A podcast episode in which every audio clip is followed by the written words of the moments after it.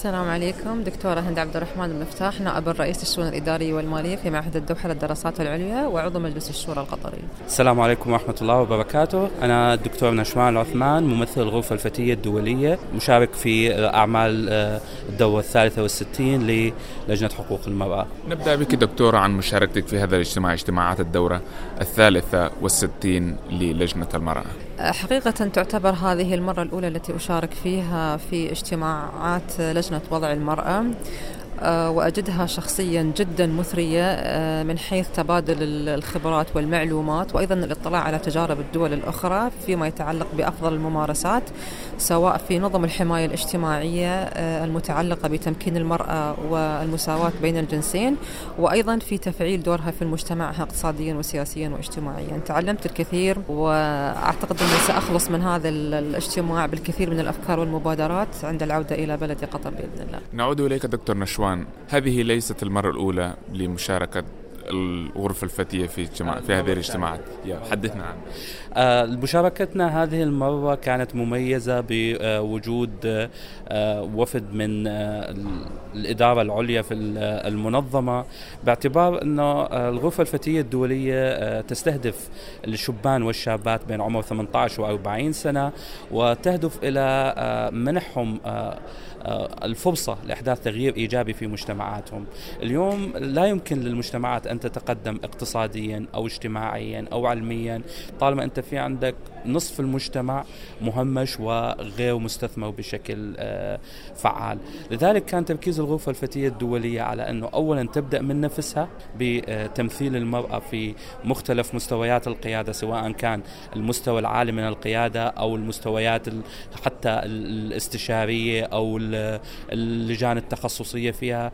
مثلا إحنا في هذا عام 2019 واللي إحنا بنظامنا بالمنظمة كل سنة في عندنا يعني انتخابات جديدة. فاحنا المرأة ممثله عندنا بنسبة 60% بالمستوى الإدارة العالية والإدارة المتوسطة. وهذا رقم قياسا للمنظمات الغير ربحية الأخرى آه، نعتبر نفسنا آه، رواد بهذا المجال.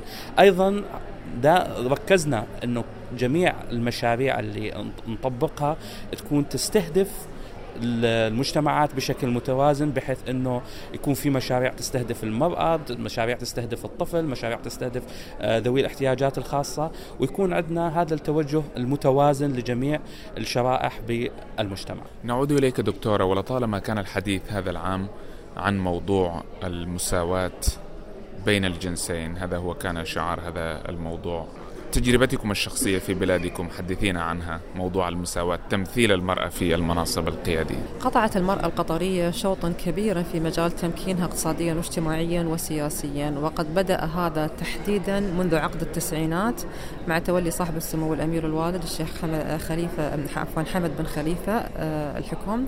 حيث آه، أنا شخصيا أطلق على عقد التسعينات بالعقد الذهبي أو العقد الذهبي للمرأة القطرية التي بدأ منذ هذه المرحلة.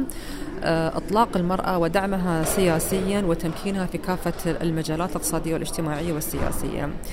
اليوم تشغل المرأة القطرية ما لا يقل عن 53% من قوة العمل العاملة في آه، في الدولة.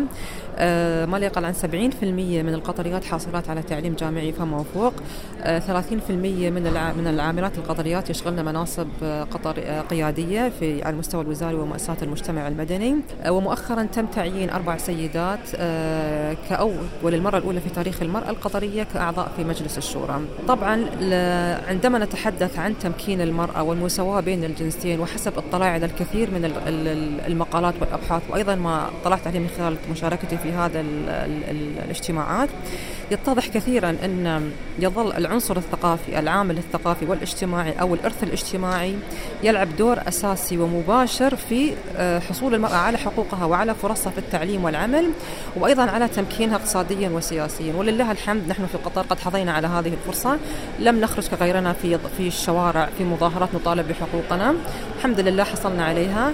ولكن يظل أمامنا كنساء قطريات بذل المزيد من من الجهود سواء في التمكين السياسي وفي التمكين الاقتصادي بعد ما وصلنا له من امتيازات آه، يجب أن تقدر ويجب أن يتم استثمارها بشكل أفضل في المجال التعليمي.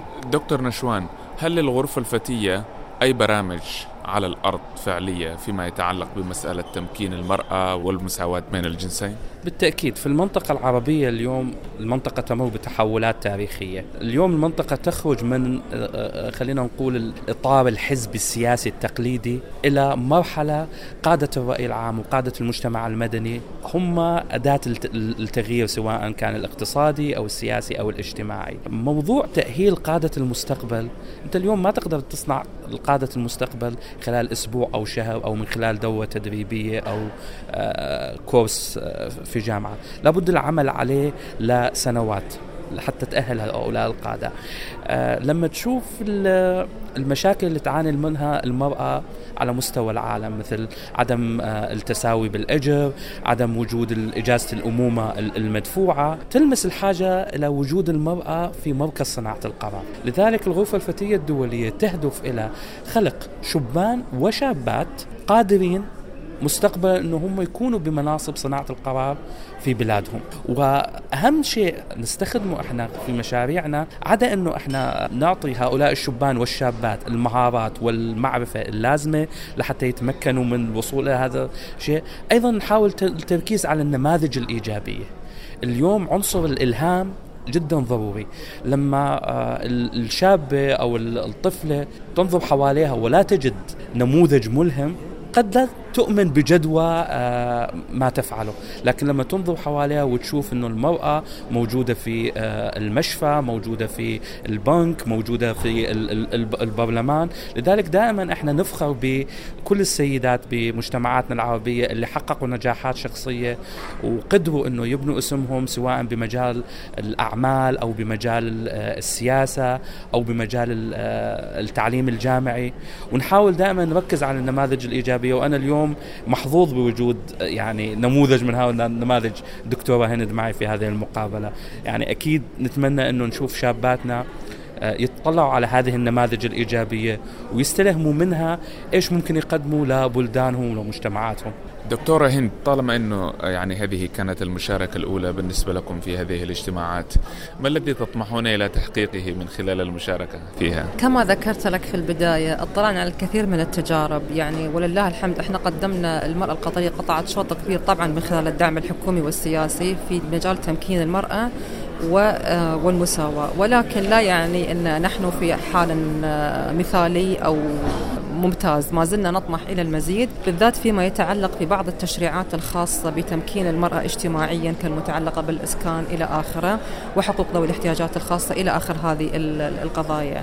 أيضا نحتاج إلى ما زلنا بالاطلاع على بعض الاستفادة من الخبرات الأخرى في كيفية تنفيذ هذه القوانين لأن للأسف من خلال الاطلاع على بعض التجارب تظل القوانين قوانين ويظل بعضها آه، مجرد حبر على ورق إذا لم تلقي الأيدي آه، أو العقول المنفتحة آه، أو الناضجة مهنيا بتحويلها من من من كلام نظري إلى واقع ملموس.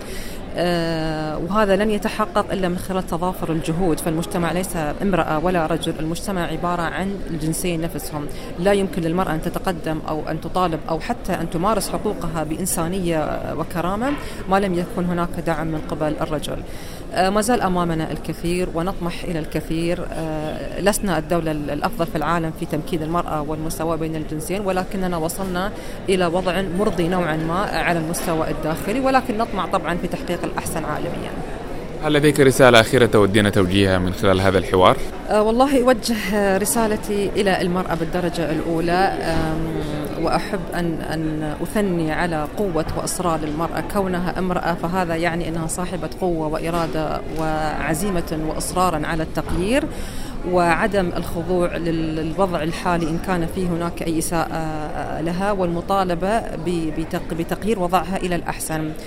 وشد على وشدد على أن المرأة ما لم تطالب بحقوقها فلن يكون هناك أي مكترث لها لإنصافها حقوقيا ولكن أيضا أود أن أكد, أؤكد على النساء شقائق الرجال. بمعنى لا يمكن لنا كنساء أن نقدم أي خطوة ما لم يكن هناك سندا يسندنا من أشقائنا الرجال. فنحن كلنا المجتمع كله وليس نصف المجتمع. نعود إليك دكتور نشوان لنختتم هذا الحوار. ماذا تقول؟ آه، أنا آه، لدي رسالتين. الرسالة الأولى آه، هي للرجال اللي الكل في إجماع يعني في كل المحاضرات والجلسات اللي حضرناها إنه لا يمكن لموضوع المساواة بين الجنسين أن يتحقق بدون آه، التركيز على مشاركة الرجال. حقوق المرأة هي ليست شيء الرجل سوف يمنحه كهبة منه لكن بدون المشاركة الفعالة والإيمان الفعال من الرجل بهذه المساواة هذه المساواة لن تتحقق. لذلك مساهمة الرجل جدا آه ضرورية. الرسالة الثانية هي أيضا للنساء. ربوا أولادكم على تقبل المساواة. أي آه، رجل يؤمن بالمساواة بين المرأة والرجل والتكامل بين أدوارهم سواء في الحياة الأسرية أو في بيئة العمل هو إذا تنظر لتاريخه راح تلقى إنه هو آه، في منزل عائلته تربى على يد والده علمته المساواة بين بينه وبين شقيقاته وعلمته كيفية احترام المرأة. وشكرا لكم. شكرا جزيلا لكم شكرا.